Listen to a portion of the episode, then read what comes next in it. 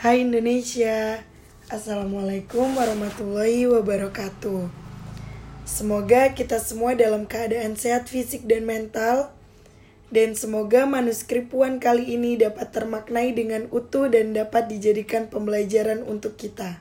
Amin. Enjoy it and let's discuss. Oke, uh, kembali lagi bersama kami Siniar Puan uh, dengan orang yang masih sama. Di sini ada saya Nuzul. Dan saya Iva. Oke, uh, pada malam hari ini kita Segmen segmen manuskrip manuskrip Puan. Oke. Oh, tapi udah disebut sih ya Iya, tadi di tadi opening di ya, awal, benar-benar. iya. Maaf, maaf. Oke, jadi untuk manuskrip Puan yang kali ini kita udah nggak perlu perkenalan lagi ya karena kita udah kenalan di awal manuskrip itu tentang apa dan eh, kalau di minggu kemarin eh nggak minggu kemarin sih ya. Ya, minggu, minggu kemarin kemarin, ya? Kalau di minggu kemarin itu kita bahas tentang psikologi dan budaya. Bener, Nah. bener. Kalau kemarin kan kita ini masih bahas tentang bagaimana itu pengertian psikologi budaya dan lain sebagainya tuh kak. Nah, di minggu ini Iya. rencananya nih Mm-mm. kita mau ngobrol lebih lanjut nih. Jadi lanjutan dari obrolan kita sebelumnya. Oke, kita Oke. nyambung. Iya kita nyambung. Eh, biar nggak lama-lama kita langsung aja kali ya. Monggo. Oke, apa jadi- tuh? Apa tuh? Jadi gini, em, biasanya nih kalau misalnya kita itu mempelajari sesuatu, Mhm. kalau kita tuh cuman tahu teorinya aja nih tanpa ada pembuktian, tanpa ada riset, tanpa ada penelitian, itu akan menjadi agak Omong kosong. sedikit useless gitu. Nah, bahasa halusnya useless Oh ya. iya, useless. Mungkin Itu bahasa Inggrisnya. Oh, iya, halus. iya, iya, maaf, maaf. useless. Uh, atau bahasa lain omong kosong Ya, seperti uh. itu. Nah, kemudian nih dengan berbagai obrolan kita di minggu lalu tentang apa itu psikologi, apa itu budaya, dan apa itu indigenous psikologi dan lain sebagainya nih kak. Mm-mm. Nah, kira-kira nih eh untuk kita itu melaksanakan penelitian atau riset tentang psikologi budaya itu tadi, kalau secara umum kan kita tahu nih ada dua metode penelitian yang umum banget, hampir semua orang tahu nih, ada kuantitatif dan kualitatif gitu. Benar. Nah, kira-kira nih kalau di psikologi budaya sendiri itu beda nggak sih? Apa ada misalnya eh, kuanti kuali atau gimana atau dicampur atau gimana kayak gitu? Kuali pakai wajan. Iya, ag- agak Oke, ngelucu sedikit oke. ya. Belum kena tapi Belum kayaknya. belum kurang baik. kurang. Kayak gitu sih kak. Nah kira-kira gimana? Ada perbedaan nggak sih kalau untuk riset untuk metode penelitian untuk riset di psikologi budaya itu sendiri? Nah, sebenarnya sih ini yang namanya pendekatan itu ya secara umum dua itu ya, kuantitatif sama kualitatif.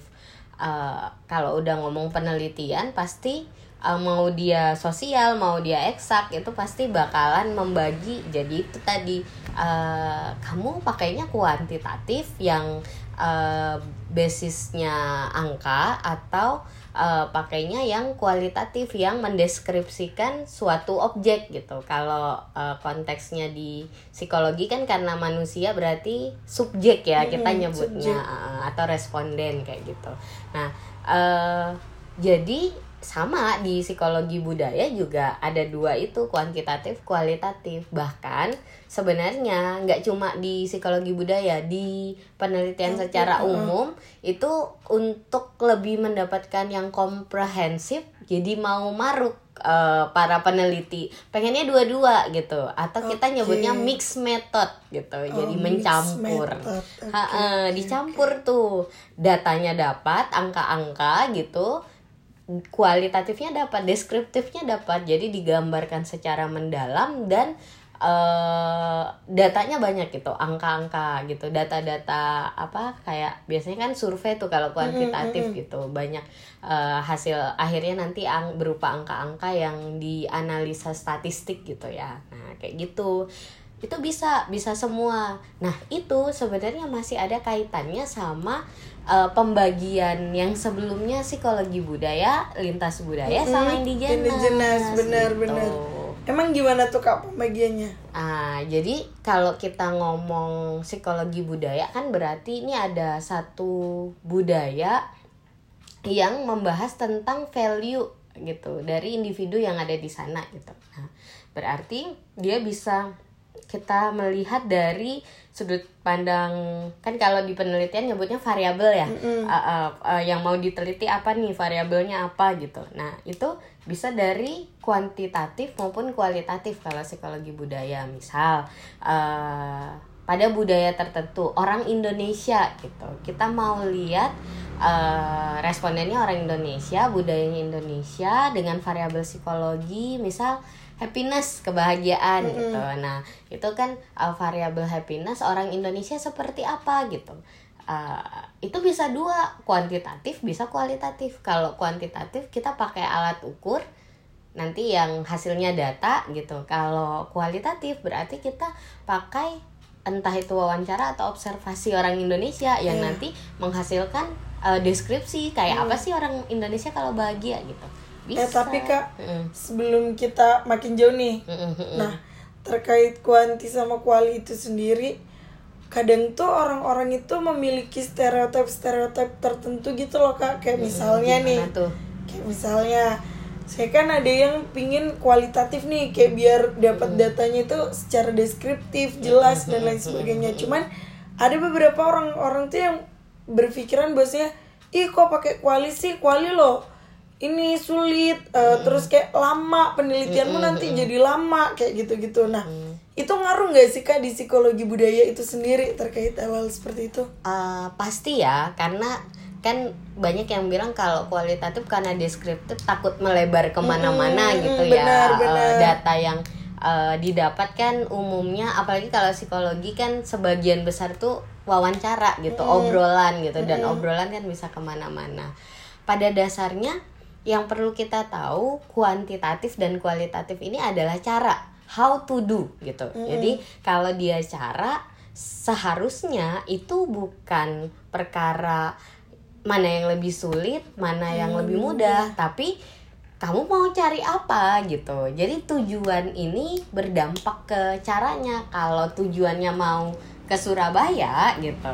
Terus caranya naik kendaraan apa gitu. Nah, kalau kita menggunakan itu kayak pendekatan tadi, kalau kita menggunakan mobil gitu, uh, sorry, kalau kita menggunakan kendaraan pribadi, entah mobil, entah motor, itu nanti pasti ada uh, apa namanya konsekuensinya. Kalau naik kendaraan umum gitu juga ada konsekuensinya gitu. Ada keuntungan ada konsekuensi gitu. Nah itu cara itu ya seperti itu gitu. Jadi mau dia kuantitatif atau kuali dari kuantitatif kita bisa mendapatkan data statistik yang mm. uh, bahasanya apa sih uh, pasti gitu. Datanya pasti kan kalau hmm, angka. karena angka uh, ya uh, bentuknya. Uh, bahkan meskipun koma dia jelas komanya berapa, berapa ya. uh, gitu. Nah sedangkan kalau dia kualitatif uh, dia bisa menggambarkan gitu. Jadi menjelaskan secara detail gitu. Jadi misalkan uh, tadi kebahagiaan antara orang A B C gitu. A bisa jadi bahagianya uh, ketika prestasi. Jadi mungkin anaknya ambis gitu ya. Mm, jadi mm, mm. Uh, mementingkan saya sudah sejauh apa prestasi saya? gitu. Tapi si B uh, saya sudah seberapa banyak sih bermanfaat Berusaha, buat orang? benar, gitu benar, membantu benar. orang lain. Nah mm, mm. terus si C ngelihatnya ya yang penting uh, apa namanya orang-orang di sekitar saya itu su seneng gitu ya udah kayak people pleasure gitu ya, ya. saya saya hidup untuk menyenangkan orang lain ya. gitu nah kayak gitu gitu itu kan dia macam-macam gitu modelnya gitu. Oke oke, berarti kita back ke yang tadi. Mm -mm. Terus nih, uh, kan tadi berarti kata Kaifa, sebenarnya kita bisa pakai mix method dan lain sebagainya. Mm -mm. Terus kalau uh, berarti kalau emang yang kayak efektif banget atau misalnya yang emang paling sering digunakan untuk di psikologi budaya itu sendiri ada nggak sih kak? Atau emang ya udah emang proporsinya itu ndak ndak ada perbedaan yang gimana gimana gitu Nah, biasanya gini, kalau sudah psikologi budaya itu kan tadi saya bilang masih ada eh, hubungan sama yang minggu kemarin lalu, gitu. uh-uh. Jadi kalau dia penelitian psikologi lintas budaya itu lebih sering kuantitatif. Nah, karena kan dia lin psikologi lintas budaya, variabel psikologi, terus kita seringnya membandingkan tuh karena lintas budaya. Misal eh, ini tuh kayak skripsi saya. Jadi skripsi saya itu membandingkan self disclosure atau pengungkapan diri antara remaja Jawa dan Madura nah itu kan dia membandingkan tuh Ah, Iya, ah. iya. nah karena Lanjut, itu jadi apa namanya lintas budaya salah satu contoh kuantitatif dan dia lintas budaya gitu. Nah, biasanya kalau kualitatif itu banyaknya di penelitian indigenous psychology. Karena Oh. kalau ingat indigenous itu kan iya ya. kekhasan gitu. Jadi Iya, dia harus benar, mendalam benar, gitu. benar. Dia harus menggali. Jadi mendeskripsikan kayak misalkan eh apa namanya unggah ungguh iya sih unggah ungguhnya orang Jawa itu ya kurang lebih etika. Tapi nggak mesti etika. Maksudnya bukan etika juga unggah ungguh itu gitu. Oke paham paham paham. Terus eh berarti kan udah nih kan kayak ada secara tidak langsung adanya pembagian. Misalnya kalau ini yang sering dipakai yang iya kayak gini-gini. Nah, terus karena kita tadi sudah bahas nih misalnya kelebihannya kayak apa. Nah, kira-kira nih Kak kalau misalnya dari sudut minusnya nih, misalnya kita pakainya kalau misalnya psikologi lintas budaya itu kuanti. Gitu. Terus kalau misalnya minusnya ketika kita cuman pakai kuanti itu apa? Terus misalnya kita pakai mix method itu gimana? Kayak gitu-gitu itu gimana Kak? I Ada. Kadang orang mikirnya semakin beragam cara itu semakin baik gitu kan ya. Mm-mm. Eh, jadi sayangnya gitu kabar buruknya tidak selalu mix method yang paling baik gitu Kar- eh, karena menggabungkan antara si kuanti sama kuali. Ya. Jadi kalau tadi saya bilang back to tujuan. Jadi kembali ke tujuan. Tujuannya apa sih gitu. Misal kalau tadi kan sudah jelas tujuannya membandingkan budaya. Akan kesulitan kalau perbandingan budaya ini kita pakai kualitatif karena akan terlalu banyak tema, pengertian, deskripsi masing-masing uh, budaya tentang itu. Bahkan di dalam budaya sendiri itu individu kan sangat mendetail ya menjelaskan tentang sesuatu ada perbedaan nilai gitu. Dia akan sangat kerepotan ketika pakai kualitatif gitu. Apalagi kalau pakai budaya yang eh apa banyak. Misal dia mau membandingkan eh, antar beberapa negara. Banyak tuh jurnal-jurnal internasional kan kalau kita nemuin misal eh, tentang gaya kepemimpinan di beberapa negara berkembang, di ASEAN misal. Itu ASEAN aja ada 10 negara ya kalau nggak salah ya Asia Tenggara itu kayaknya sih. Kalau nggak Ah, salah, ah, iya kalau nggak salah. Iya. Eh, saya saya alibinya gini saya bukan anak IPS gitu. Masalahnya saya yang anak IPS. oke. Saya bukan anak IPS dan psikologi itu ilmu sosial. Oke repot juga. Jadi eh, apa ada 10 negara kita membandingkan itu kalau harus eh, dideskripsikan per bu- negara itu akan melebar ke mana-mana gitu. kan tujuannya mau bandingin eh, kayak apa sih gaya kepemimpinannya gitu. Ya udah berarti kuantitatif dong gitu. Masa kualitatif gitu. Nah sedangkan ada penelitian yang kayak hmm, tadi aja deh contohnya kebahagiaan. Mau melihat kebahagiaan pada suku Jawa gitu nah pernah dengar istilah tepas seliro bener gak sih saya ngomongnya Typo seliro ya sih? itu Iya. ketahuan banget bukan orang Jawa. Saya tuh selalu susah kalau mau ngasih contoh saya tahu tulisannya tapi Tapi nggak tahu bacanya, ah, ah, iya, iya. gitu. Atau gini, Heeh. yang saya tahu uang panai di suku Bugis. gitu. Mm-mm, mm-mm. Itu Atau, lebih ah, lebih itu kayak seserahan sebelum pernikahan gitu. Jadi eh, kebahagiaan, kepuasan pernikahan eh, de- dengan banyaknya uang panai gitu. Nah, misal kayak gitu. kita meneliti yang seperti itu itu kan khusus di Bugis aja gitu tentang uang panai itu gitu jadi ya dia kita harus mengkaji secara uh, mendalam kayak apa sih memang filosofinya apa mm -hmm. uang panai kenapa harus ada itu gitu uh, padahal kan kalau dalam agama mahar itu se sederhana ya, se, ya, se ya. ringan-ringannya hmm. gitu meringankan hmm. pihak pihak lelaki dan lain sebagainya. Nah, itu itu kan kita harus mengkaji secara mendalam gitu kayak apa sih gitu bu budayanya gitu. Dan karena banyak gitu. Ini memang beberapa penelitian uh, apa peneliti dosen-dosen di ini di Makassar itu ada penelitian uh, tentang uang panai. Karena memang di Sulawesi Selatan khususnya itu banyak banget kejadian pasangan pacaran lama hmm, gitu nggak jadi nikah ya perkara uang panai ini oh, belum belum cukup gitu. sampai banyak dijadikan penelitian ya kak? Benar karena banyak banget perawan tua di Makassar itu itu. Jadi iya dan itu perkara perkara itu yang yang oh, akhirnya uh, uh, dijadikan penelitian. Jadi uh, biasanya sih di beberapa nanti sebenarnya bisa searching sendiri aja gimana terkait penelitian uang panai itu sudah banyak gitu. Jadi memang menarik, menarik. Mm -mm. nah kalau untuk mengkaji yang kayak gitu itu kan khusus gitu. Jadi kita harus secara mendalam gitu melihat itu harus melihat secara detail apa sih pengertian sejarah bla bla bla dan lain sebagainya mm -hmm. kalau pakai kuantitatif gitu kurang lah ya, ah, ah, ah, ya, ya, gitu bener, bener, bener. terus Oke, tadi kita sudah dapat uh, kalau misalnya kuanti ini lebih dominan untuk siapa, terus kuali mm -hmm. ini dominan untuk yang apa. Mm -hmm. Kalau mix method nih, dia mm -hmm. itu dianjurkan untuk jenis penelitian yang seperti apa? Ah, mix method itu ketika kita mm -hmm. butuh kedalaman dan keluasan. Uh, oh, mendalam itu kan dia harus detail gitu. Mm -hmm. uh, kalau keluasan berarti dia harus uh, sebisa mungkin digeneralisasi gitu.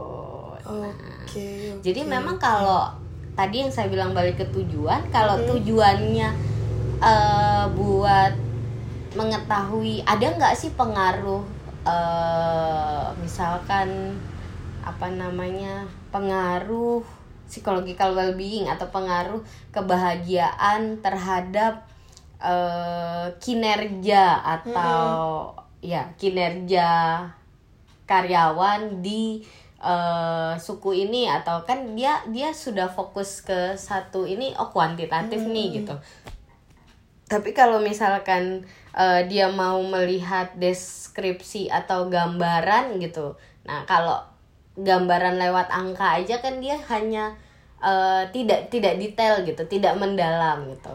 Tapi memang biasanya uh, penelitian yang mixed method itu kalau uh, istilahnya tidak ditemukan. Biasanya sih kalau di psikologi budaya ya istilahnya itu istilah budaya atau value yang tidak ditemukan uh, definisi psikologinya. Kayak for example nih. Iya. Kayak misalkan gotong royong di Indonesia. Oh, iya. mau diartikan apa?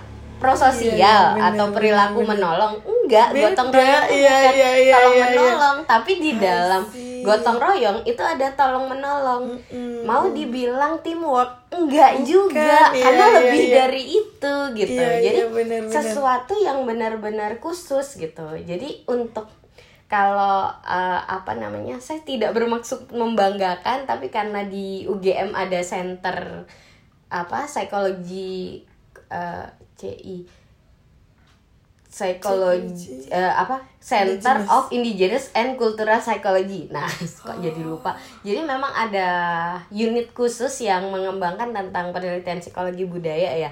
Jadi kalau kayak istilah-istilah yang nggak bisa hmm. diartikan gitu, mm -hmm. dia perlu di mendalami dulu, dikualitatifkan dulu oh, untuk kemudian okay, dibikin okay, alat okay, ukurnya. Okay, Itu kan kuantitatif kalau bikin alat bener, ukur bener, gitu. Bener oh, nah gitu berarti emang ya hasilnya mungkin bisa jadi akan lebih kaya gitu ya kak kalau misalnya pakai mix method itu ya Mm, karena kita butuh gambaran baru tentang hal baru. Umumnya sih kalau konteks psikologi budaya karena istilah ini adalah sebenarnya psikologis ngomong pikiran, emosi sama perilaku. Tapi tuh nggak ada istilah psikologinya Benar, gitu. benar. Jadi kita perlu ngembangin lagi gitu.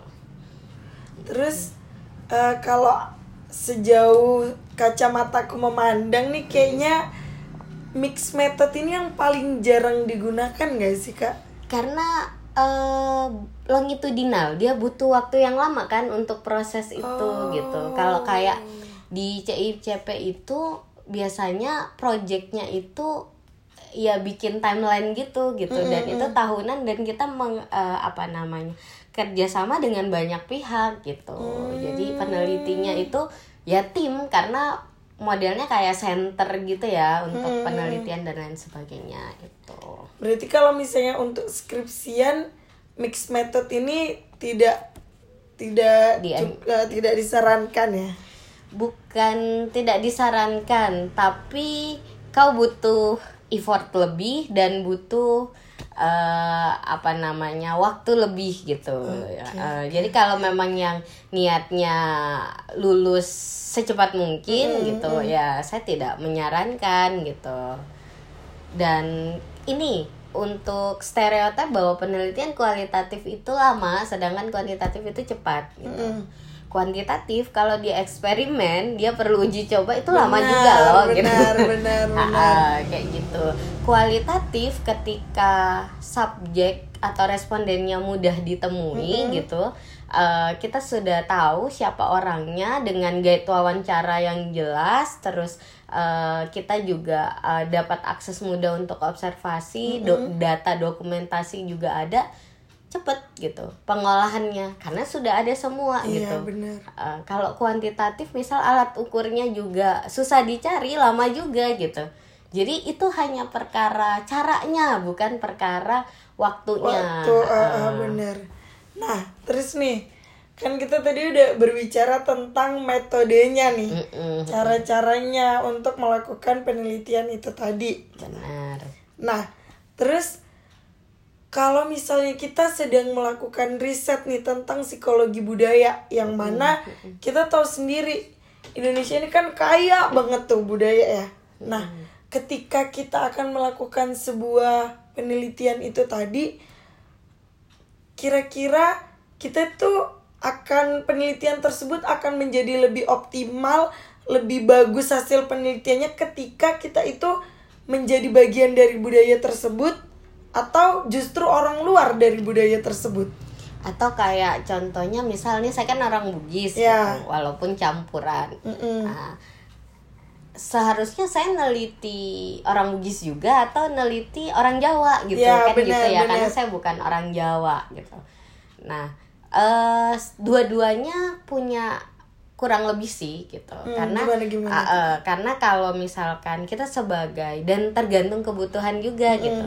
Kalau misal ad- eh, ada satu suku di Indonesia itu suku Baduy itu kan eh, agak sulit untuk masuk. Aksesnya ke sana agak sulit. Lebih ke karena mereka trust trust terhadap orang luar itu agak eh, eh, agak lama dapatnya. Jadi eh, kita perlu insider gitu perlu orang dalam istilah Iya benar. agak Jadi- negatif ya orang Iya, dalam iya. gitu Enggak, sebenarnya kan memang ada istilahnya ya, Kak ya. Mungkin eh, kita bisa gunakan istilah outsider dan natif istilah istilah sopannya natif Oh, iya, iya, Uh, iya, orang benar, dalam benar. tuh kayak negatif Iya, gitu iya, iya. Insider atau outsider gitu Iya, aja. Ah, ah. Oke. Oke, lanjut lanjut. Nah, jadi kita perlu ini dan dan mungkin kayak saya, saya bukan orang Jawa, saya mau meneliti tentang uh, kebahagiaan versi orang Jawa gitu. Saya wawancara dalam konteks tertentu ada istilah-istilah Jawa yang saya nggak ngerti. Saya perlu insider di sana gitu. Nah, Hmm. Cuma kurangnya insider ini kadang-kadang jadi kurang objektif karena saya bagian dari kita balik di pertemuan sebelumnya, Sebelumnya, ngomong in group iya. out group tadi. Saya bagian dari ini etnosentris mungkin di sana Etnosentris. gitu kalau insider. Jadi saya kira yang paling baik adalah eh penelitian bersama gitu. Dan itu sudah banyak dikembangkan di Indonesia. Termasuk saya nggak niat promosi tapi ya udahlah gitu. Termasuk salah satu penelitian kami gitu. Jadi eh, itu saya juga diajak sih sama eh, Pak Fuad. Pak Fuad ini eh dekan UII gitu.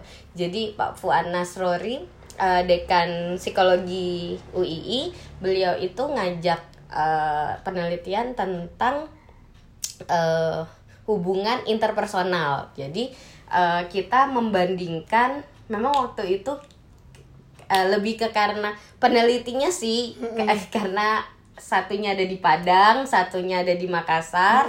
Terus itu saya kan dari saya megang di Jawa Timur, terus karena Pak Fuad di Jogja, jadi beliau megang apa namanya daerah di Jogja dan Jogja, Jawa Tengah. uh-uh. Jadi ya memang terbatas di situ kita nggak bisa bilang Indonesia karena kita hanya berempat berlima sama karena istri beliau juga di Jogja kan gitu. Jadi berlima itu tuh eh, apa eh penelitiannya itu akhirnya ya kita bisa mengakses orang-orang yang di sana tapi memang dengan catatan kayak saya di Jawa Timur itu tidak tidak mereka yang kayak saya nih saya kan pendatang Mm-mm, posisinya mm-mm. saya bener tinggal di Malang tapi saya bukan orang asli, Asli, Jawa oh. jadi harus menelaah dari suku ayah suku ibu terus uh, domisili gitu tinggal katakanlah dia ayah ibu Jawa tapi dia besar di Kalimantan gitu itu Ya. sangat mempengaruhi sekali jadi eh memang di penelitian budaya screeningnya gitu untuk eh, mengontrol variabel lain dia tinggal di mana dan lain sebagainya itu perlu perlu sangat ini sih sangat perhatian Ah, gitu ah. jadi kalau mau bikin yang bagus memang akhirnya kita bisa dapat 500-an data itu ya karena lima orang tadi jadi ngumpulin dari berbagai Oh. daerah itu gitu Berarti kalau eh, kan kita tadi menggunakan dua istilah nih kak, insider, outsider. benar. Terus kalau kayak mix gitu ada istilahnya lagi nggak kak? Maksudnya kan Heeh. itu kan kayak ada campuran kan Ah, ada ah, yang ah, orang orang Jawa asli Mm-mm, sama ya kayak gitu ya. Eh, nggak ada sih. Jadi dia membagi insider outsider eh, berarti insider itu natif orang asli dari eh, kelompok Penduduk situ, itu eh. kalau outsider berarti orang di luar itu gitu. Sama kayak kalau observatif oh eh observasi partisipan non partisipan ya Iya gitu. iya iya benar-benar. Oke oke. Berarti sebenarnya kalau dari insider sama outsider ini nggak ada. Maksudnya kayak yang lebih eh hasil dari penelitianmu akan lebih efektif ketika kamu menggunakan teknik insider. Itu teknik nggak sih kak? Bukan. ya? bukan bukan teknik Kayak lebih, lebih ke arah ini sih kayak apa ya eh, siapa yang meneliti gitu Ha, Mm, jadi benar, siapanya benar, benar. Jadi nggak ada ya kayak istilah lebih efektif ketika yang meneliti adalah orang yang dari dalam budaya itu sendiri atau dari luarnya gitu. Ha, ha, benar karena ya bisa diakali sih. Misal gini insider. Tapi dia pakainya kuantitatif. Kan dia berdasar data gitu. Mm-mm. jadi ob- eh, mengurangi subjektivitasnya dong Oh, gitu. benar, itu benar, bisa benar. gitu. Ha, atau eh, ya tadi kalau outsider outsider eh biasanya kan kalau dari luar kita tidak bisa mendalami gitu. Berarti dia pakai penerjemah misalkan. Jadi Mm, misal mm, mm. orang kan sebenarnya banyak sih bahkan jadi ada buku judulnya manusia bugis gitu Mm-mm. tapi yang nulis itu orang saya saya agak lupa eh Eropa yang jelas kalau nggak Oh, iya? Belgia ya kalau nggak Belgia Brazil karena dia eh apa namanya tertarik gitu dengan budaya itu dan dan ini jadi buku. Dan diterjemahkan ke bahasa Indonesia ke bahasa Gila. Indonesia. Jadi eh apa namanya dia menjelas eh apa namanya dia uh, melakukan wawancara ya dia perlu kayak apa sih ya tetap butuh insider gitu. sebenarnya cuma si insider bukan peneliti, peneliti translator ya, bener, bener, gitu bener, bener. kayak gitu. Itu bisa berarti sebenarnya insider dan outsider ini saling melengkapi ya kak ya? Benar gitu ya kayak gitu. Kalau memang terpaksa misalkan uh, bukan terpaksa sih kalau memang saya ingin Dirasa meneliti butuh, ya gitu. meneliti uh, budaya yang saya nggak kenal gitu ya. Saya harus mencari uh, siapa yang bisa membantu saya gitu. mm, mm, mm, mm, paham paham paham. Mm, gitu. Menarik sih itu tadi yang mm.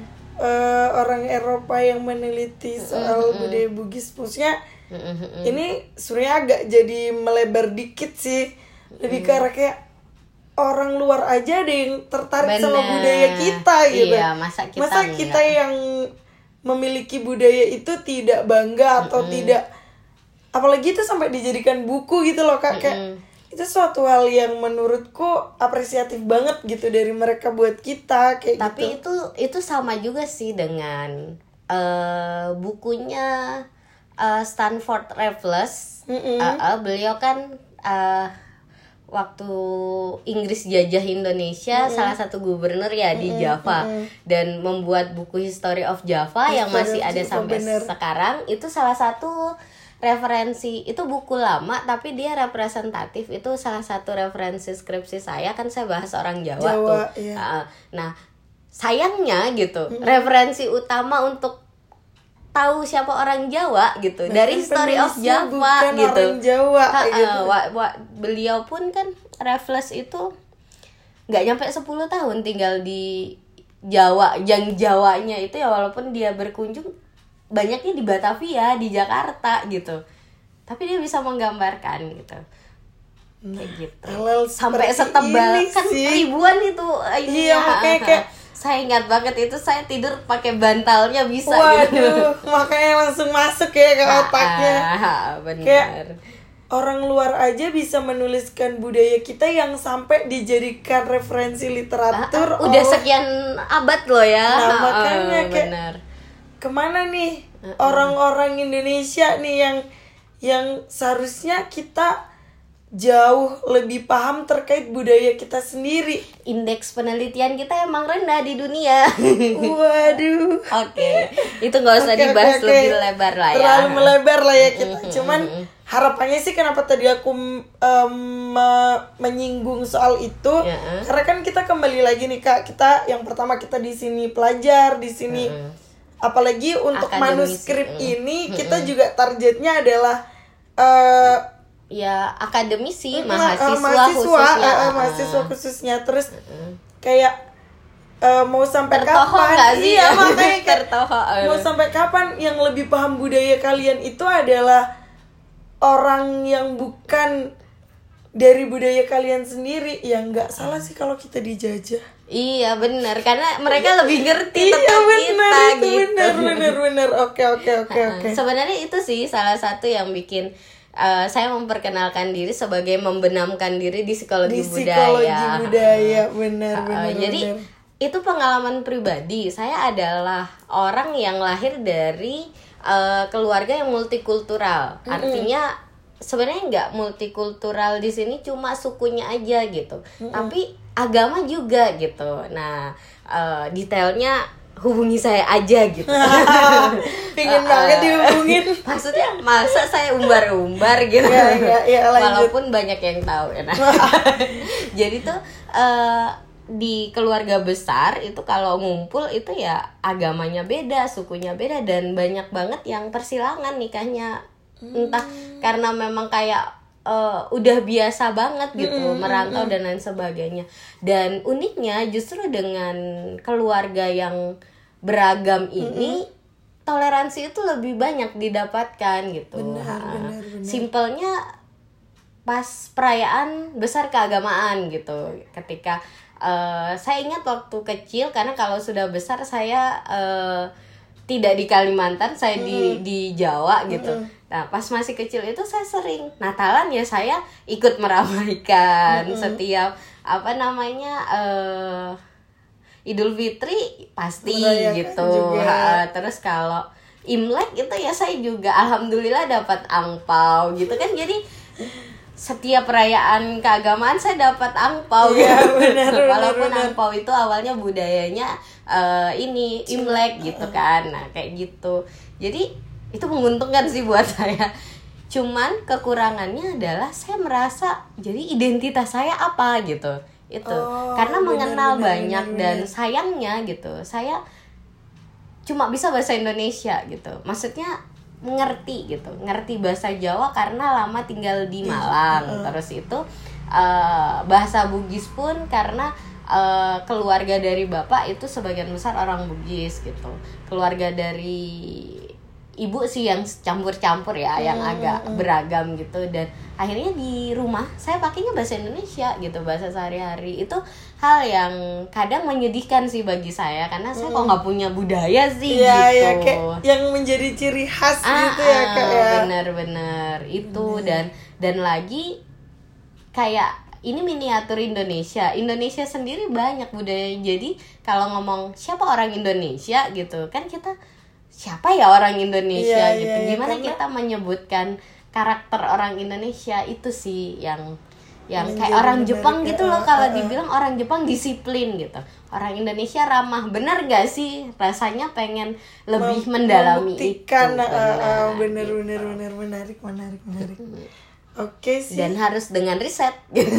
Benar, Ah, karena ya itu tadi kayak yang udah kita ngomong di awal, kita mah berbicara soal teori soal apa kalau tanpa adanya bukti, bukti penelitian gitu. Ya udah akan menjadi omong kosong belaka kayak gitu sih. benar gitu. Jadi ruhnya eh, apa namanya akademik gitu eh, ya di penelitian gitu. Jadi kalau mahasiswa anti penelitian wah. Mending? Mending jualan cilok cilok aja jualan pakai penelitian loh kak. riset pasar Iya dong, iya benar makanya. Mm. Ini berhenti kuliah maksudnya gitu Eh, tadi. Oke. Terus jualan cilok. Seneng deh Nuzul ketawa. boleh lah, boleh. Oke, alhamdulillah. Oke, kayaknya eh, udah cukup banyak nih yang kita bahas malam ini ya meskipun agak ada sedikit pelebaran tema nih, Iya, cuman benar-benar. eh, Pakai curhat lagi. cuman secara eh, keseluruhan kayaknya udah Menggambarkan lah ya. ya benar menggambarkan terkait bagaimana itu sendiri metode penelitian dan bagaimana penelitian tentang psikologi budaya di Indonesia dan lain sebagainya seperti itu. Benar, Oke. Ah, terus tadi aku ada tertarik kan karena kita tadi sempat membahas tentang metode penelitian juga ya kak ya. Mm-mm. Jadi ada salah satu kalimat Kak Iva yang secara tidak langsung itu menarik perhatian saya. Asik asik. Itu eh, sebenarnya kalau masalah penelitian itu bukan perkara yang lebih sulit atau yang lebih mudah gitu, tapi bagaimana hasil dari penelitian itu bisa kita pertanggungjawabkan dengan baik kayak gitu ya. Ah, ah, ah. Oke. Karena mencapai tujuannya nggak sih gitu. Menjawab tujuan nggak? Benar-benar. Selain itu juga eh, ada salah satu